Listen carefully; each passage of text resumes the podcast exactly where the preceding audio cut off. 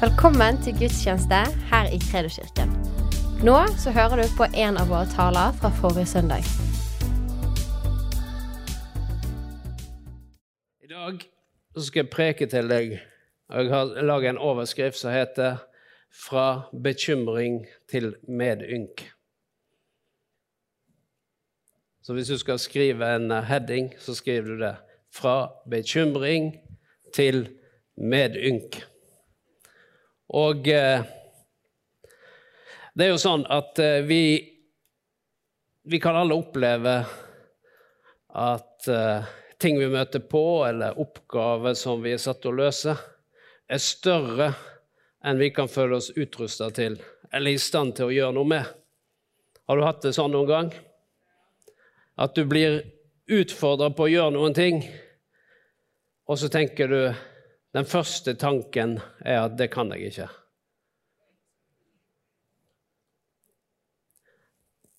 Og du er ikke alene om å få den tanken som første tanke. Når Gud kalte Moses, så var ikke Moses' første tanke 'Yes, dette har jeg venta på hele mitt liv. Endelig.' Nei da, han sa 'Ai', sa han.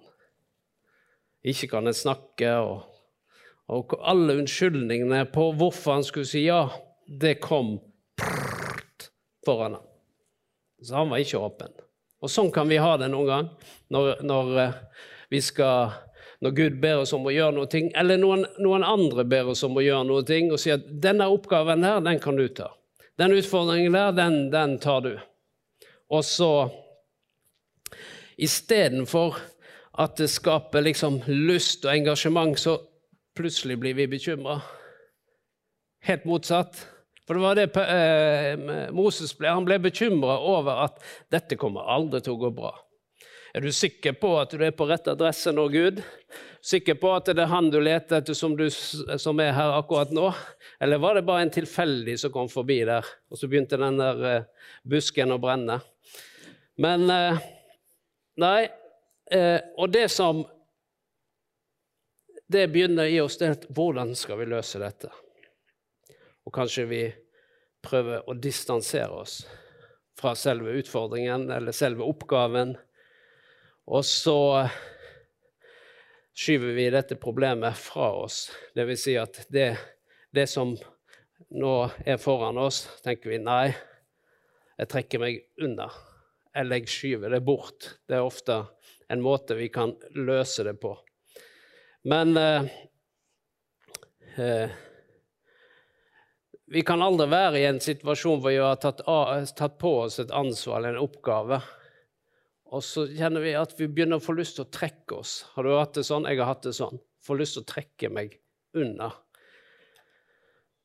Fordi at jeg tenker nei, men det her er for mye for meg, eller det her klarer jeg ikke. Og så, og så Av og til så hører jeg folk si at jeg trenger en pause. Har du tenkt sånn av og til? At du trenger en pause? Og eh, Det er jo interessant, fordi jeg har fulgt med på en del som trenger en pause. Men den pausen varte ikke i 14 dager. Noen ganger så varte den i 14 år. Noen ganger varte den livet ut. Fordi at kanskje en var midt i Guds plan, men så kom det litt trykk imot. Og så kommer det en tanke du trenger en pause. Og så begynner en å trekke seg unna.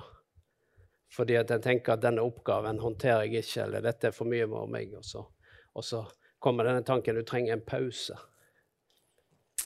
Og la oss lese i,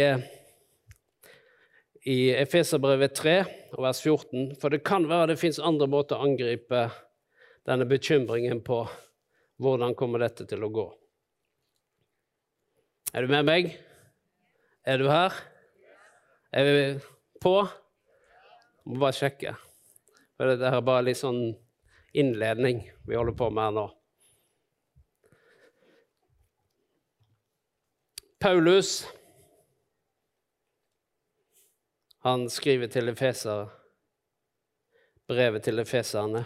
Så står det Derfor bøyer jeg mine knær for Faderen han som har gitt navn til alt som heter far og barn i himmel og på jord. Jeg ber om at Han som er så rik på herlighet, må styrke dere i det indre mennesket med sin kraft og med sin ånd, så Kristus ved troen kan bo i deres hjerter, og dere kan stå rotfestet og grunnfestet i kjærlighet. Da kan dere, sammen med alle de hellige, bli i stand til å fatte bredden, lengden, høyden og dybden, ja, kjenne hele Kristi kjærlighet, som er mer enn noen kan fatte, og bli fulgt av hele Guds fylde. Han som virker i oss med sin kraft og kan gjøre uendelig mye mer enn alt det vi ber om og forstår. Ham være ære i menigheten og i Kristus, Jesus, gjennom alle slekter og i alle evigheter. Amen. Er litt av en bønn. Så Derfor sier jeg kanskje det er en annen måte å angripe det på. Fordi det, det Paulus gjorde her, han sier at 'jeg bøyer mine knær for Faderen'.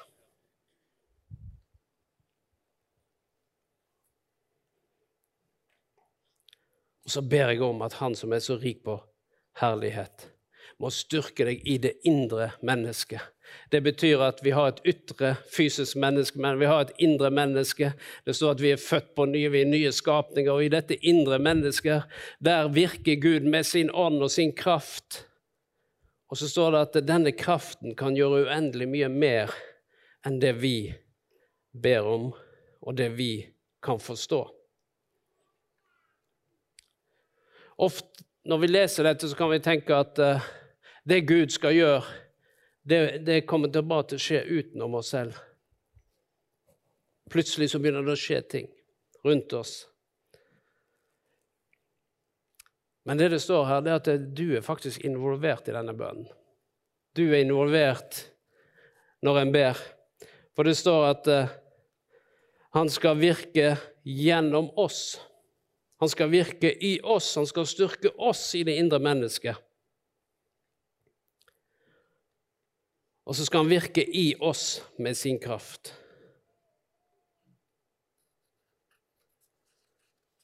Det er Guds tanke.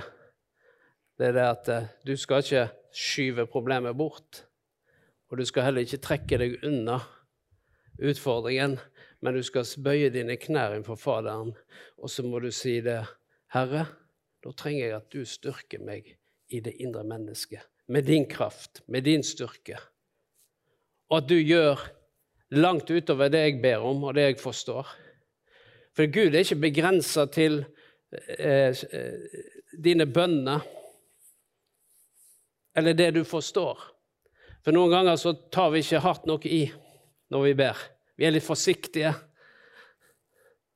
Men da kan Gud sprenge denne bønnens begrensning. Han kan sprenge det vi forstår, slik at uh, han plutselig begynner å virke i våre liv. Og så kan han gjøre så mye mer. Så mye mer. Jeg har lyst til å ta det til en historie i dag fra når Jesus han uh, metta 5000. Hvis ikke du har lest om det, så kan du lese om det i Markus, bl.a. Markus 9, nei, Markus 6.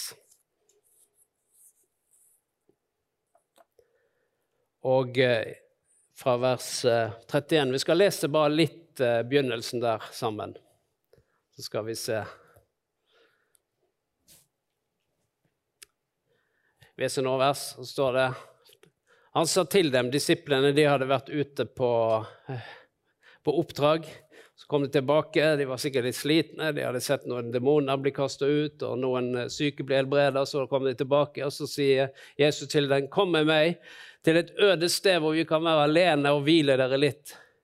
For det var så mange som kom og gikk, at de ikke fikk tid til å spise engang.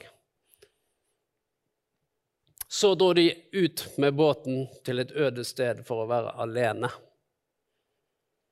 Men mange så at de dro bort og kjente dem igjen, og for alle byene strømmet folk sammen til fots og nådde fram før dem. Da Jesus gikk i land, fikk han se en mengde mennesker. Han fikk inderlig medfølelse med dem, for de var som sauer uten gjeter. Og han sa og han ga seg til å undervise dem om mange ting. Så du ser situasjonen her. De, de, prøver å komme seg vekk, men folk følger med. OK, hvor er Jesus? De springer landstranda, og så når de kommer i land, så er det masse folk der. Men da, når Jesus ser folket, så skjer det noe med hans hjerte. Det står at han ble truffet av noe. På engelsk står det 'he was moved by compassion'. Det var noe som beveget han. Det var en medynk, det var en medfølelse som plutselig traff han. Fordi han så at dette folket her, de er som sauer uten gjeter, står det. Så han begynte, med en gang begynte han å undervise dem. Fordi hans hjerte gikk ut til dem. Og, og eh, han begynte å, å, preke. Han vet du, Jesus han sto på, prekte på. Og eh, det var jo sent på dag, men Jesus han så ikke på klokka. Disiplene fulgte med på klokka, men ikke Jesus. Så han bare fortsatte å preke. Og han, han hadde sånn medynk. Sa at 'jeg vil gi dem maksimalt her nå'. Så han prekte på og prekte på, og preken ble lenger og lenger. Og skyggene ble lenger og lenger, for det var sent på dag. Og så skjer det jo, da. Så jeg har prøvd å leve meg litt inn i hva er, hva er det egentlig som foregår, for det står jo så lite akkurat her.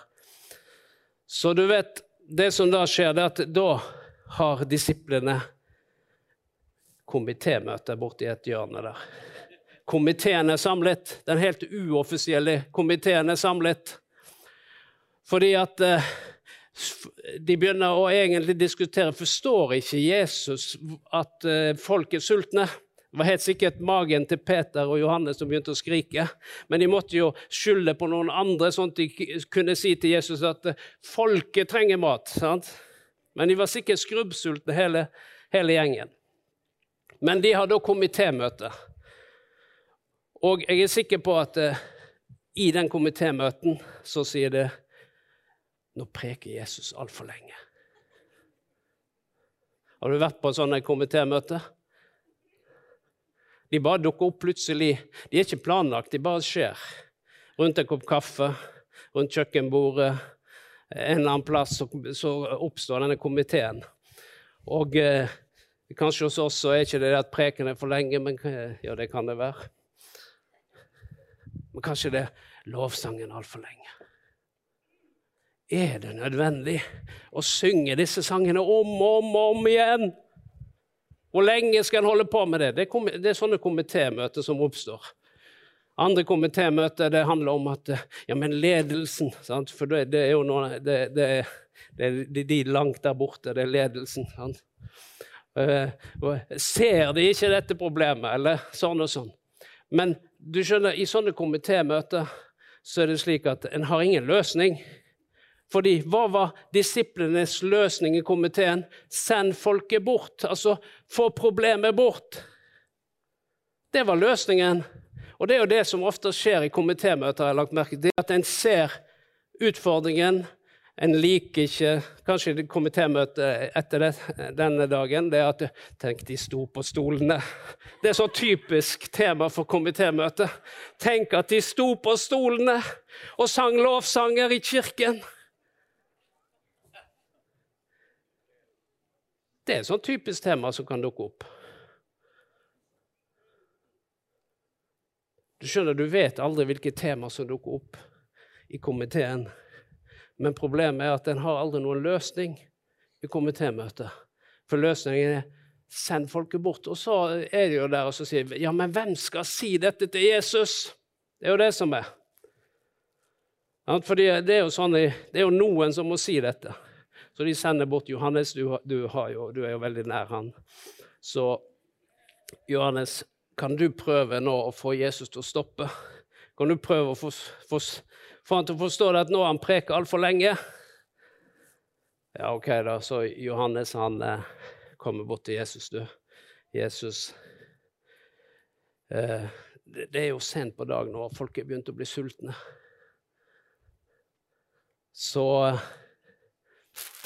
Eh, kanskje vi skal sende folket hjem eller inn i byen her, så de får kjøpe seg mat.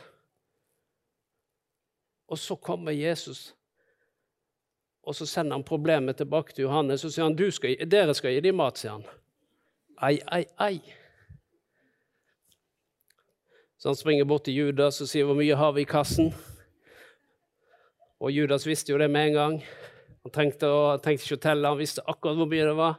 Vi har 200 denar. Men det er jo ingenting til så mye folk. Så da er det et nytt problem. ok? Vi har så mye penger, men vi har så mye folk, så løsningen er fremdeles send de bort. Og det er det som skjer med bekymring. skjønner du. Medynk den gjør noe med problemet. Men bekymring det bare å sende problemet bort. For jeg vil ikke ta i det, fordi jeg har ikke kraft til det. Jeg ser ikke muligheten, jeg ser ikke løsningen. Og det var det som skjedde der med disiplene. De så ikke hvordan de skulle håndtere dette. Så derfor tenkte vi vi sender det bort. Det var ikke første gangen at disiplene har holdt på slik. En annen gang da var det masse barn. Og alle disse barna de sprang rundt, og de ville ha Jesus sin oppmerksomhet. Og disiplene de sprang rundt og sa 'hysj, ikke forstyrr mesteren'. hysj. Men hva gjør Jesus? Hva var det disiplene ville gjøre? De ville sende problemet bort. Men Jesus han snur på hele situasjonen og så sier han, 'La barna komme til meg. La de komme hit.' Så tok han barna på fanget og velsigna dem. Det var Jesus sin løsning. Mens disiplenes løsning var å sende dem bort. Men Jesus' sin løsning var velsign. En annen gang så var det en blind som satt ved veien. og Det var mye folk, og Jesus han gikk der og uh, var på vei inn i, inn i, byen. Og der er det en som heter Bartimeus. Han roper for full hals. 'Jesus, du Davids sønn, miskunn deg over meg!' Og de begynner å hysje på han. 'Du, hysj, hysj! Ser du ikke han er opptatt? Ikke forstyrr mesteren.' Men denne karen han roper bare enda høyere, står det. Men hva var disiplenes løsning? Ti still, ikke forstyrr mesteren. Men hva er Guds løsning? Det er at han snur seg og sier, 'Få han hit'. For Guds løsning, det var helbredelse. Mens disiplenes løsning var å skyve bort, for de visste ikke hvordan skal vi løse dette. For de så på sin egen begrensning og tenkte at eh, denne mannen som er blind, han kan jo ikke vi hjelpe. Men de hadde vært rundt Jesus lenge nok til å forstå at Jesus kunne hjelpe ham. Men gjennom folkemengden så hørte han denne røsten som ropte, 'Miskunn deg over meg'. Og da hadde Jesus en annen, et annen løsning på problemet enn å hysje det ned og skyve det bort. Og Guds løsning var La han komme hit til meg. Og så ble han helbreda. Og her igjen så er disiplene der, og de har denne løsningen om å sende problemet bort. Men så sier Jesus, 'Dere skal gi dem mat'. Og så spør Jesus, 'Hvor mye, hvor mye brød har dere?' Og så begynner jeg å leite. Gå og sjekk hvor mye mat dere har. Og så leter de. Prøver å undersøke hvor mye brød har vi, hvor mye fisk har vi. Nei, har vi noe mat? Har vi noe mat? Er det noen som har med seg mat fordi predikanten preker så lenge? At De har sikkert vært på bergpreken. Den tok jo aldri slutt, så de tok med mat neste gang. Så, men uh, Johannes, har vi noe mat? Vi har mat. Hva har vi da? Bring det hit til meg. Vi tok ikke med fisk, for det stinker sånn, men vi tok med fem brød.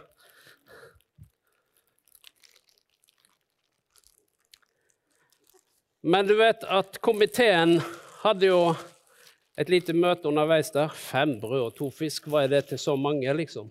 Det er jo ingenting. Så har vi med fem brød i dag. De er litt små men det gjør ingenting i mesterens hender. Men eh, så sier han det Bring det hit til meg. Og så eh, sier han Sett folk i grupper på 50 og på 100. Så plutselig skal de begynne å organisere. At de skal da dele ut fem brød i grupper på 50. De vet jo at den første gruppa det er jo bare til de ti første. det her. Men Jesus sier og, så disiplene må da ut med tanke på at det vi har å dele ut, det er fem brød og to fisk. Så begynner de å organisere. Ok, Det er grupper der, og det er 5000. sant? Nå var det flere, skjønner du. Det var mer enn 5000 der. Men noen hadde allerede gått hjem. Det var det som var. Fordi han prekte så lenge, og de var begynt å bli sultne. Og de satt jo der og tenkte at ja, men Jesus, vi vil se noe under og tegn her nå. Og han sto jo bare og underviste. Så de tenkte, de satt jo bare og ventet på Å, Gud, når skal du gjøre Jesus, når skal du Vi har jo hørt du gjør tegn og under. Han inviterte ingen syke fram til plattformen. Han sto bare og underviste. Så de ble utålmodige. Så jeg er sikker på at det var 5500 der, men 500 hadde gått hjem. Fordi det, han ba ikke fram til forbønn.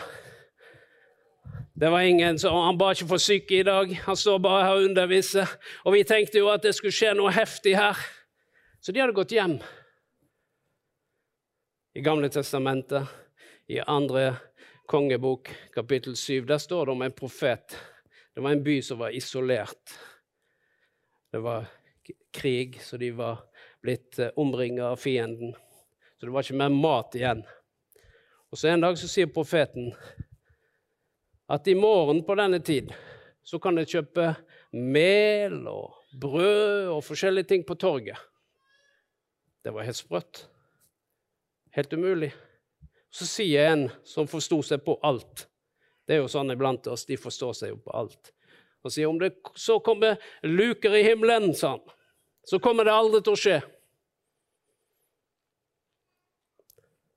Så sier profeten, du kommer til å se det, men du kommer ikke til å spise av det. Neste dag så skjer det det som profeten sa. Men denne karen han sto der i porten, og folket ble så ivrig at de sprang han ned, så han døde der underveis. Og jeg tenker at Det var en del folk som satt der og ventet på at Jesus skulle gjøre tegn under, men hadde gått hjem. Tenk å gå hjem og gå glipp av hele greiene fordi at det ikke skjedde på den måten, i den rekkefølge eller slik som komiteen hadde bestemt. Så går du hjem, og så går du glipp av underet. Så neste dag så hører de 'Vet du hva som skjedde i går?'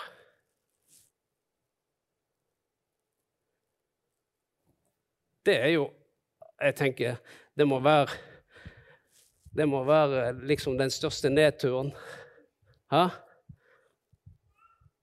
Å gå glipp av det Jesus gjør, bare fordi en blir litt småsur og grinete. Dessverre så er det folk som går glipp av det Gud gjør, fordi at uh, en begynner å surne. Men det er kanskje fordi en ikke bøyer sine knær innenfor for Faderen og sier, 'Herre, må du styrke meg i mitt indre menneske med din ånd og med din kraft.' For det må vi gjøre hele tiden. Men så kom disiplene. Så nå må jeg ha noen disipler. Vi, vi tar ikke tolv, vi tar fire. Så hvis jeg får fire disipler fram her Fordi at det skjer noe når uh, Noen flotte disipler. Hæ? Det, fordi det, det, det, som skjer nå, det er sånn som vi kan oppleve det mange ganger. Fordi de kommer der med brødet og fisken. Og så velsigna Jesus det. Han så at han løfta blikket til Faderen, ansiktet mot Faderen, og så velsigna han brødet. Og så skjer det ingenting. Det er det som er. Det var ikke slik at dette brødet plutselig ble til eh, 1000. Nei, det skjedde faktisk ingenting i det synlige. Men Jesus hadde velsigna det. Og så tar han brødet, og så deler han det, står det. Og så gir han det til disiplene.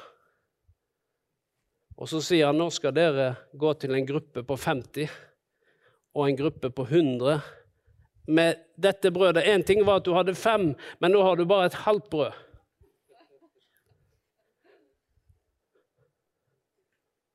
For Noen ganger så tenker vi at det, skjedde et under, men jeg tror ikke dette er min fantasi. Fri fantasi. ok?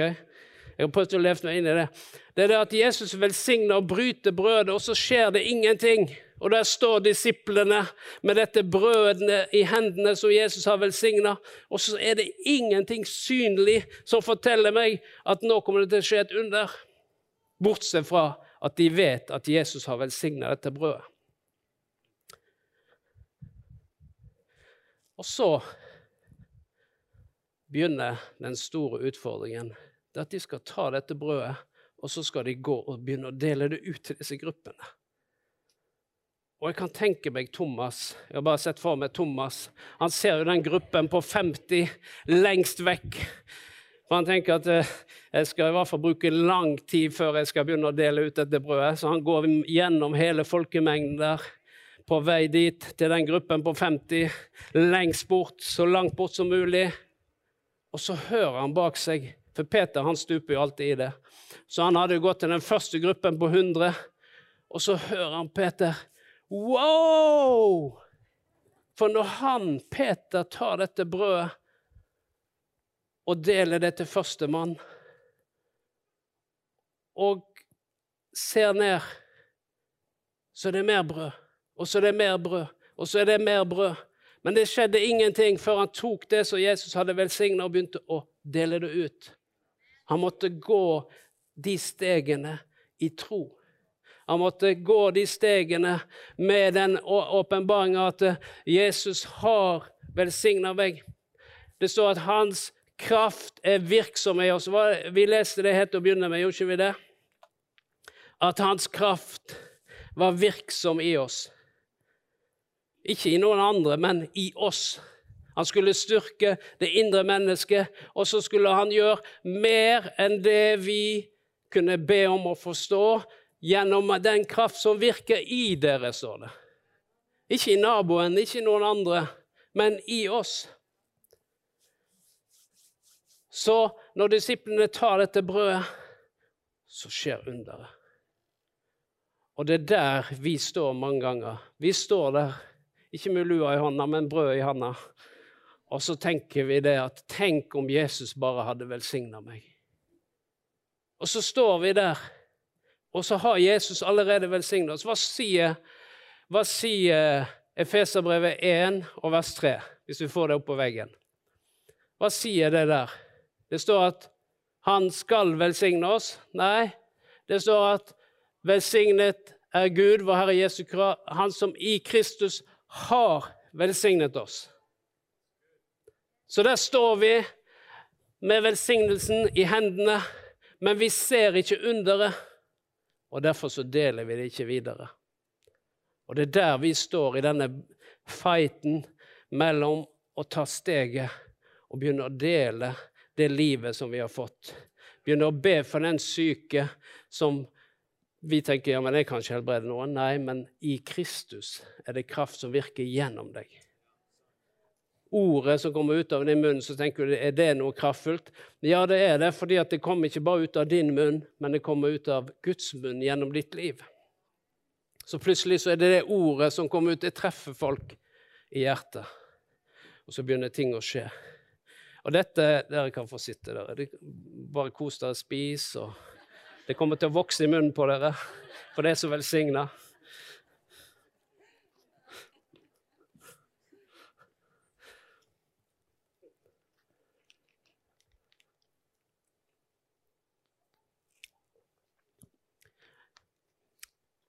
Men mange ganger så er det her vår kamp står.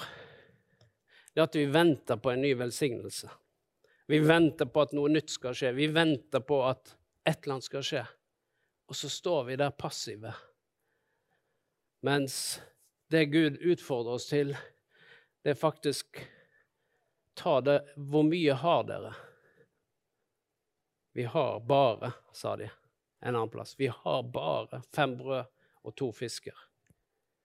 Og det er der vi kan stå noen ganger. Vi tenker 'ja, men jeg har bare'. Og så dette bare Da ser vi på det naturlige. Men da kan vi gjøre som Jesus sa 'bring det hit til meg'. Det handler om at vi gir vårt liv til Han. Og når vi gir vårt liv til Han,